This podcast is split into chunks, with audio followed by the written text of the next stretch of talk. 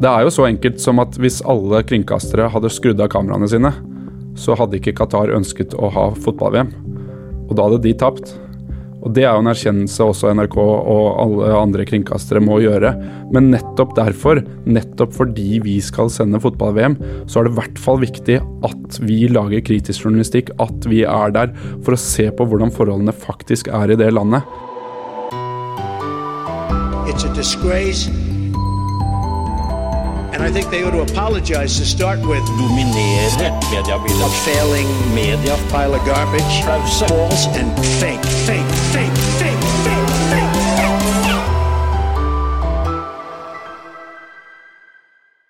Nylig ble han og kollegaen Lukman Gurbani arrestert i Qatar da de var i landet for å drive kritisk journalistikk om de som skal arrangere fotball-VM neste år. Heldigvis kom de seg trygt hjem, og i dag er han gjest her i Pressepodden. NRK-journalist Halvor Ekeland, velkommen. Tusen takk. Jeg heter Even Barka og skal snakke mer med Halvor om sportsjournalistikk, pressefrihet og Qatar. Men først skal vi høre noen ord fra våre annonsører. Er du på jakt etter ny jobb og kunne tenke deg å jobbe i et raskt voksende teknologiselskap? Publishlab står bak publiseringsplattformen Labrador, som bl.a. benyttes av Dagbladet og TV 2, og har kunder i fire land. Nå ser selskapet etter en prosjektleder. Erfaring fra mediebransjen er en fordel, men ikke et krav. Her er det stort rom for å forme egen stilling og bidra til selskapets videre vekst. Les mer og søk på stillingen på Medier24jobb. Halvor, eh, litt av ei uke har uh, gått siden uh, dere kom hjem igjen til Norge etter å ha blitt arrestert i, i Qatar. Først må du fortelle, hvordan har du hatt den siste uka? Siste uka har vært uh, hektisk. Det er klart at Når man kommer hjem fra en sånn opplevelse, så er det fryktelig mye som skal skje. ene tingen er jo at det er fullt med medier som, som ønsker å få et intervju så må man jo ha litt debrief eh, med NRK arbeidsgiver og finne ut av hva som har skjedd og hvordan vi skal gå videre. Så har vi jo selvfølgelig også hatt et ønske om å presentere noe av den journalistikken vi har eh, vært i Qatar for å, for å, lage. Og siste tingen jeg har brukt mye tid på, er å få en eh, mobil opp og gå igjen og få bytta passordet mitt på, på alle apper. Så det har vært eh, mye som har skjedd siste uka. Mm. Og egentlig fra det øyeblikk dere kom hjem, eller til og med før. Dere ble jo møtt av VG på Kastrup bl.a. Eh, så har det vært et ganske stort medietrykk rundt denne saken. og Samme dag som dere kom hjem, så går du direkte på NRK sammen med Lukman Gobani og svarer på spørsmål fra et samla pressekorps om hvordan dette var. Hvorfor vil dere stille opp og snakke om dette så raskt? Uh, vi dro til Qatar for å lage saker om hvordan forholdene var der ett år før VM. og Vi dro dit for å prøve å få et nyansert og, og godt bilde av hvordan situasjonen var der. Og så ender vi opp med å eh, komme hjem med en uh, stor avsløring om hvordan pressefriheten i landet egentlig er. Og finner ut at uh, det må vi jo på en måte formidle. Det, det setter uh, setter eh, hele landet og, og fotball-VM i et helt annet uh, lys. Og Da tenker vi at det er viktig også for oss, selv om vi er journalister, så er det viktig da å formidle det videre til andre journalister også. og det, det, er klart det er jo en stor sak at norske journalister blir arrestert i, i Qatar, og, og, da føler vi at det, det, er helt naturlig at det blir stilt spørsmål, og det er helt naturlig også å stille opp på pressekonferanser og stille opp for mediene. Mm. Du drar jo sjøl inn eh, pressefriheten som et viktig aspekt oppi dette.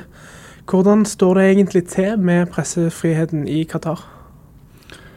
Altså Vår uh, situasjon uh, viser jo med all tydelighet at uh, det er ikke full pressefrihet i det landet.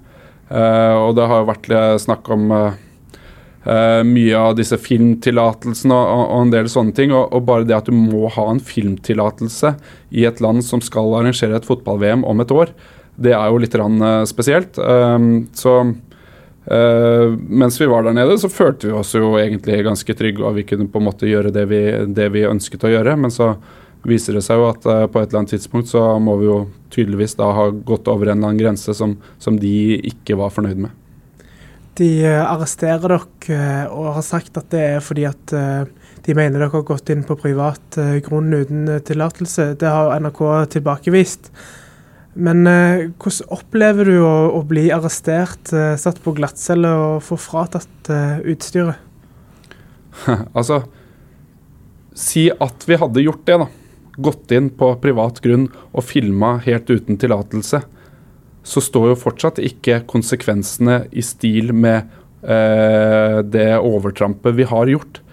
Eh, og det er jo et eh, Det er jo en sånn forholdsmessighet her som, som, ikke henger på greip i det hele tatt.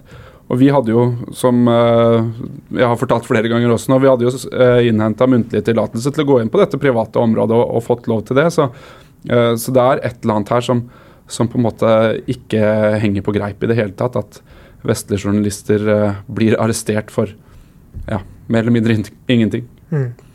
Men Qatar er jo ikke et land som man bare kan dra til en gang helt uten videre. Kan du fortelle litt om hva slags forberedelser dere hadde gjort dere før dere dro ned? Ja, altså Vi har jo jobba med å komme oss inn i landet i ganske mange måneder. Den første, eh, første perioden, De første månedene vi jobba med det, så, så, fikk vi et nei pga. koronasituasjonen. og Det var, det var innreiserestriksjoner til Qatar. Dette var da i våres, før eh, Fotballforbundet hadde sin avstemning om boikott eller ikke. Uh, så vi tenkte ja, ja, ok, greit, vi kommer oss ikke inn i landet nå, men vi skal inn i landet uh, når det er mulig. Så skjønte vi etter hvert at det var mulig uh, i løpet av eh, høsten. Og da har vi, brukt, vi har brukt mye tid på å få uh, filmtillatelser, vi har brukt mye tid på, på å få liksom, godkjenning til at vi kan komme, og selvfølgelig også lage intervjuavtaler, uh, tenke gjennom hvor skal vi dra, hva skal vi gjøre, hvilke historier er det mulig å komme tilbake igjen med. Um, og det har vært en kontinuerlig prosess i, i flere måneder, uh, egentlig. Og så siste uka, drøye uka før vi drar, så er det jo mye sånn sikkerhetsrutiner. Eh, hvilken mobil skal jeg ha med meg, hva skal være på mobilene? Eh, og eh, hvilke rutiner skal vi ha for eh, å sende meldinger tilbake til Norge? Eh, og, og, hva slags stoff skal vi sende over tilbake til Norge? Skal vi sende over alt vi gjør mens vi er der nede, sånn for sikkerhets skyld? Så det var mye sånn rutiner som skulle gås opp den siste uka da, før eh, avreise.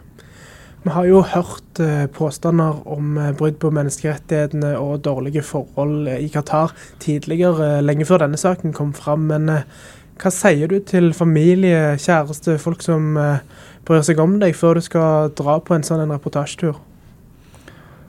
Man vet jo at det er en sånn en bitte liten risiko for at ting kan skje når man er i, er i, er i Qatar. Det har jo vært journalister som har vært arrestert der tidligere. Men vi følte oss veldig trygge på at uh, det verste som kunne skje, var at uh, vi blir stoppa i en eller annen situasjon av noe politi. Vi blir tatt med på politistasjonen, og så får vi noen spørsmål der. Og så får vi beskjed om at vi skal slette uh, opptakene. Og så kanskje blir vi også sendt ut av landet. Det var liksom uh, worst case scenario som vi var forberedt på. Og Det var også det vi hadde på en måte diskutert både i NRK og med familien, at det er det verste som kan skje. Så endte det opp med å bli en del verre enn det, da. Uh, så det var en situasjon vi ikke var helt forberedt på, selvfølgelig. Mm. Du fikk spørsmål om eh, dette allerede den første dagen da du stilte opp for pressen. Nå har du fått fordøyd uh, ting litt. Når du nå har fått gjort det, da, har du lyst til å dra tilbake igjen til Qatar som journalist? Svaret mitt på det er nok faktisk det samme fortsatt. Jeg må først finne ut av hva det er jeg har skrevet under på i, i, på politistasjonen der, for det vet jeg fortsatt ikke. Uh, og så må vi vurdere uh, hvor trygt er det for meg å dra.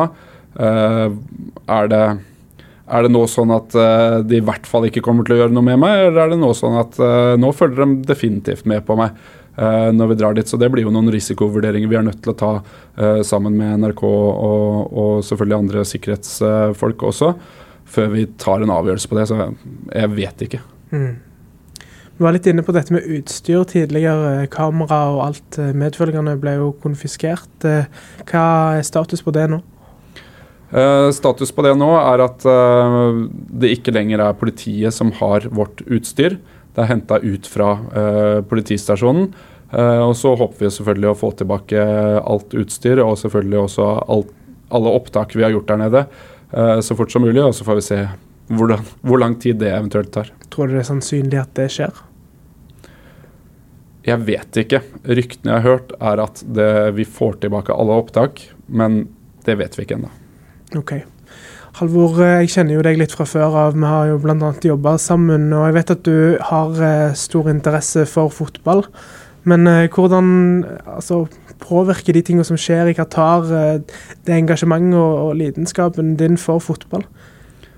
Jeg er nok fortsatt like glad i fotball. Det er jeg definitivt. Um, jeg har ikke fått sett så mye fotball etter at jeg kom hjem, for jeg har hatt mye annet uh, som har skjedd. Men eh, spillet fotball er jeg fortsatt like glad i. Og så er det jo en del av disse tingene. altså Jeg jobber jo med Fifa, jeg jobber med fotball-VM i Qatar, jeg jobber med eh, idrettspolitikken og, og, og, det bakenforliggende bak spillet, på en måte, og, og pengene der. og det ønsker jeg å fortsette å jobbe med fordi det er, det er utfordringer i, i, internasjonal fotball som, som uh, ikke helt uh, henger på greip, og som uh, journalister både i Norge og internasjonalt er nødt til å se nøyere på. Mm. Men hvilke tanker gjør du deg om at dere som kringkastere i NRK og andre kringkastere er med på å gi Qatar den oppmerksomheten de ønsker seg, når dere dekker og sender kampene? Det er jo så enkelt som at hvis alle kringkastere hadde skrudd av kameraene sine, så hadde ikke Qatar ønsket å ha fotball-VM. Og da hadde de tapt. Og Det er jo en erkjennelse også NRK og alle andre kringkastere må gjøre. Men nettopp derfor, nettopp fordi vi skal sende fotball-VM, så er det i hvert fall viktig at vi lager kritisk journalistikk. At vi er der for å se på hvordan forholdene faktisk er i det landet. Eh, både før, under og også etter mesterskapet. Sånn at vi eh, i hvert fall har et kritisk blikk på det som skjer der. Og det kommer vi til å gjøre. Vi kommer til å fortsette med det i NRK. Og vi kommer til å gjøre det også under mesterskapet og ha et kritisk blikk på hva som skjer i Qatar.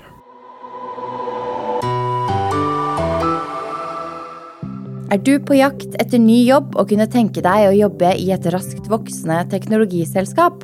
Publishlab står bak publiseringsplattformen Labrador, som bl.a. benyttes av Dagbladet og TV 2, og har kunder i fire land. Nå ser selskapet etter en prosjektleder. Erfaring fra mediebransjen er en fordel, men ikke et krav. Her er det stort rom for å forme egen stilling og bidra til selskapets videre vekst. Les mer og søk på stillingen på Medier24 jobb. Vi har jo fått lov å se noe av det stoffet som eh, dere lagde i Qatar. Eh, dere sendte jo ting til Norge underveis, så alt er ikke tapt når det gjelder stoff og innhold. Men uh, i noe av det som dere har publisert, så ser vi at du gjør et intervju med den tidligere Manchester United-keeperen uh, Peter Schmeichel. Han blir jo ikke særlig fornøyd med deg og forstår egentlig ikke hvorfor du stiller han spørsmål. Uh, hva tenker du om at disse aktørene, som er en så viktig del av fotballen, stiller seg sånn til kritisk journalistikk? Så, Peter Schmeichel han trodde jo at jeg skulle spørre om Solskjær, for han fikk sparken samme dag som jeg snakka med han. Men og han var ikke fornøyd med de spørsmålene jeg stilte. Men det virka ikke som om de var forberedt på det heller. At det, var, eh, at det kom til å komme sånne spørsmål. Um, det er klart, vi, vi Samme dag prata vi med Gianni Infantino, Fifa-presidenten. Han var nok litt mer forberedt på det, at det skulle komme sånne spørsmål. Men de spillerne, de tidligere spillerne som var der, de ønska ikke å prate om det. Og det var ikke derfor de var leid inn da, for å være der. De skulle kaste glans over arrangementet. Uh, og så tenker jeg at uh, OK, um, noen er ikke like opptatt av de tingene som andre, og det får for så vidt være greit. Uh, folk har uli ulike interesser, og det, det, får være greit. Men at man stiller opp på, et sånt arrangement og, og bare vil snakke om gladsaker, det er jo litt uh, overraska over. I hvert fall at man ikke tenker tanken at man kommer til å få litt andre typer spørsmål også. Mm. Men eh, sportsjournalistikk er jo mye mer enn bare fotball, og du skriver om andre temaer òg, eh, ofte med en kritisk vinkel. Eh, hva er det vanskeligste med å lage kritisk journalistikk om sportsjournalistikk? Det er ikke så vanskelig. Det er jo altså Idretten er øh, veldig spesiell fordi øh, det er for det første fryktelig mye penger involvert.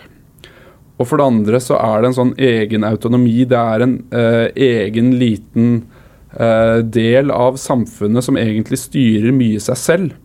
Uh, og I Norge så er det jo basert veldig mye på frivillighet, f.eks. Så man kan ikke ha alle disse um, dype og avanserte rapporteringsmetodene uh, og sånne ting, fordi da blir det en for stor jobb for alle de frivillige. Og Det betyr jo også at ok, men hvis man ønsker å f.eks. drive med en eller annen type økonomisk kriminalitet, da, si det, så vil jo idretten være et naturlig sted å søke til fordi de ikke er de samme rapporteringspliktene i, i norsk idrett. Og Da er det jo utrolig viktig at norske sportsjournalister faktisk gjør den jobben eh, det kreves, da, og, og, sjekker opp ting. Sjekker opp ting som ikke er bra nok. Og jeg opplever jo egentlig at norsk idrett også er liksom um, De forstår det, og de forstår også at um, mediene må gjøre den, den jobben. Um, men det er jo få egentlig så, i Norge som, som, gjør en sånn jobb. Men, men, målet er jo på en måte bare å sørge for at systemene blir bedre. At de som kanskje blir behandla dårlig, at de skal få en rettferdig behandling. Altså, målet er jo egentlig bare å være hjelpe de svake. Det er jo det som er målet med journalistikken. Og det er utrolig viktig at uh, både norske sportsjournalister og også internasjonale uh, sportsjournalister tar tak i og ser på alle alle pengene som er i internasjonal idrett, for det er store summer. Mm. Den norske sportsjournalistikken har jo foreløpig kunnet jobbe under ganske åpne kår. Eh, klubber og idrettspersoner er ofte åpne med mediene, men i utlandet er kanskje ikke situasjonen helt eh, den samme. Hvordan har du opplevd det, ikke bare i Qatar, men generelt? Det er nok en sånn følelse av at uh, en del idrettsutøvere tenker at ja, men jeg driver med underholdning, og da skal alle spørsmål handle om underholdning. Men, uh, og den står nok kanskje enda sterkere internasjonalt, ja.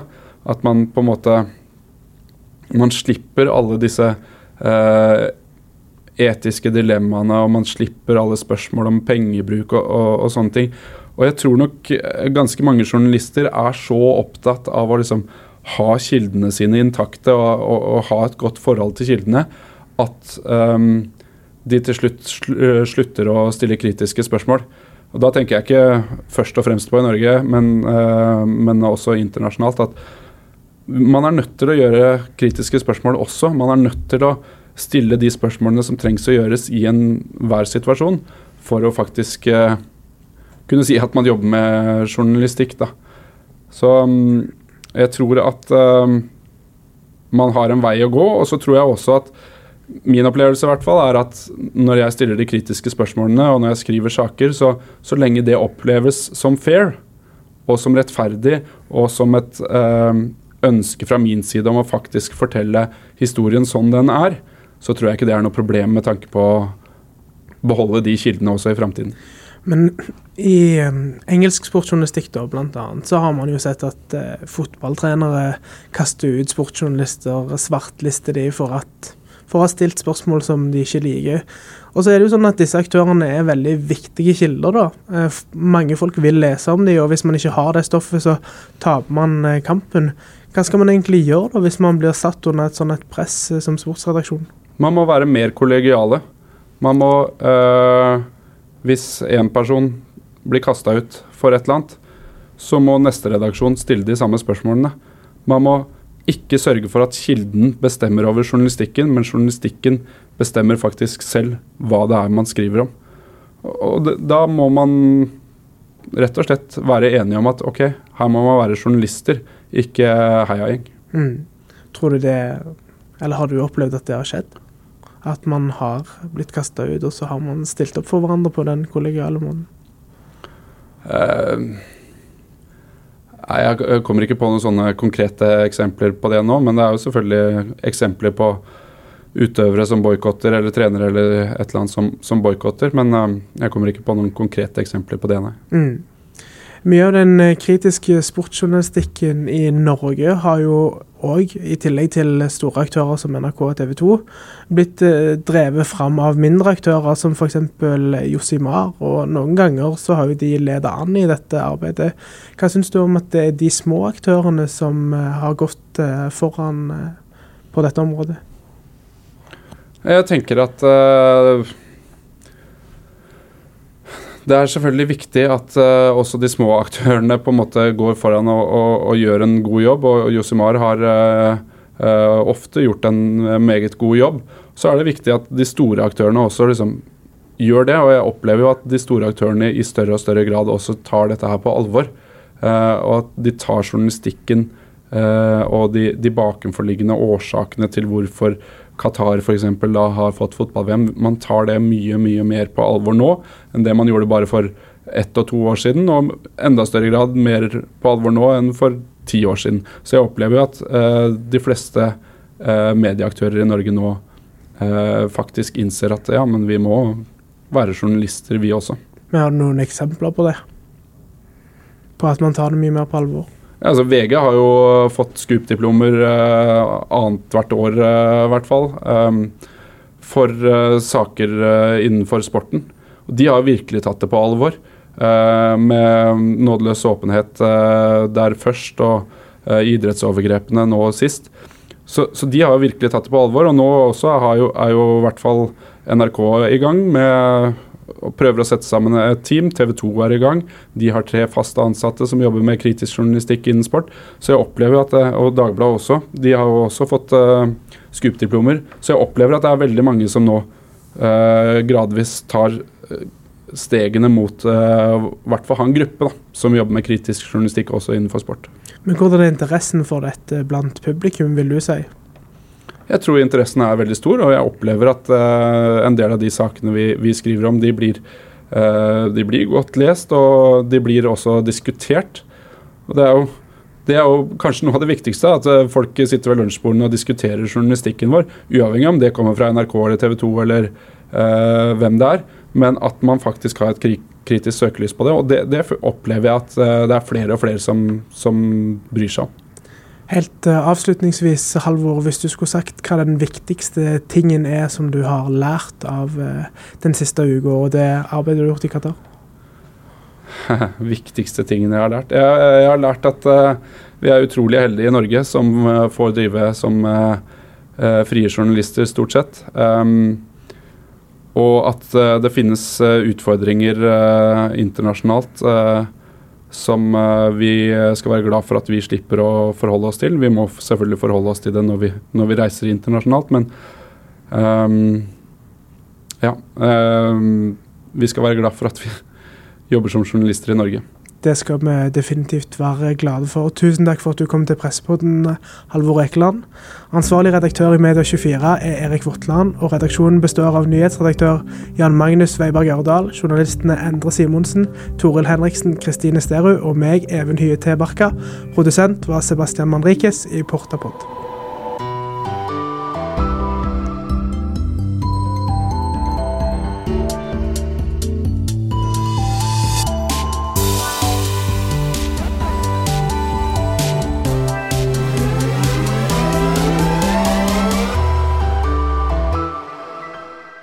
Er du på jakt etter ny jobb og kunne tenke deg å jobbe i et raskt voksende teknologiselskap? Publishlab står bak publiseringsplattformen Labrador, som bl.a. benyttes av Dagbladet og TV 2, og har kunder i fire land. Nå ser selskapet etter en prosjektleder. Erfaring fra mediebransjen er en fordel, men ikke et krav. Her er det stort rom for å forme egen stilling og bidra til selskapets videre vekst. Les mer og søk på stillingen på Medier24 jobb.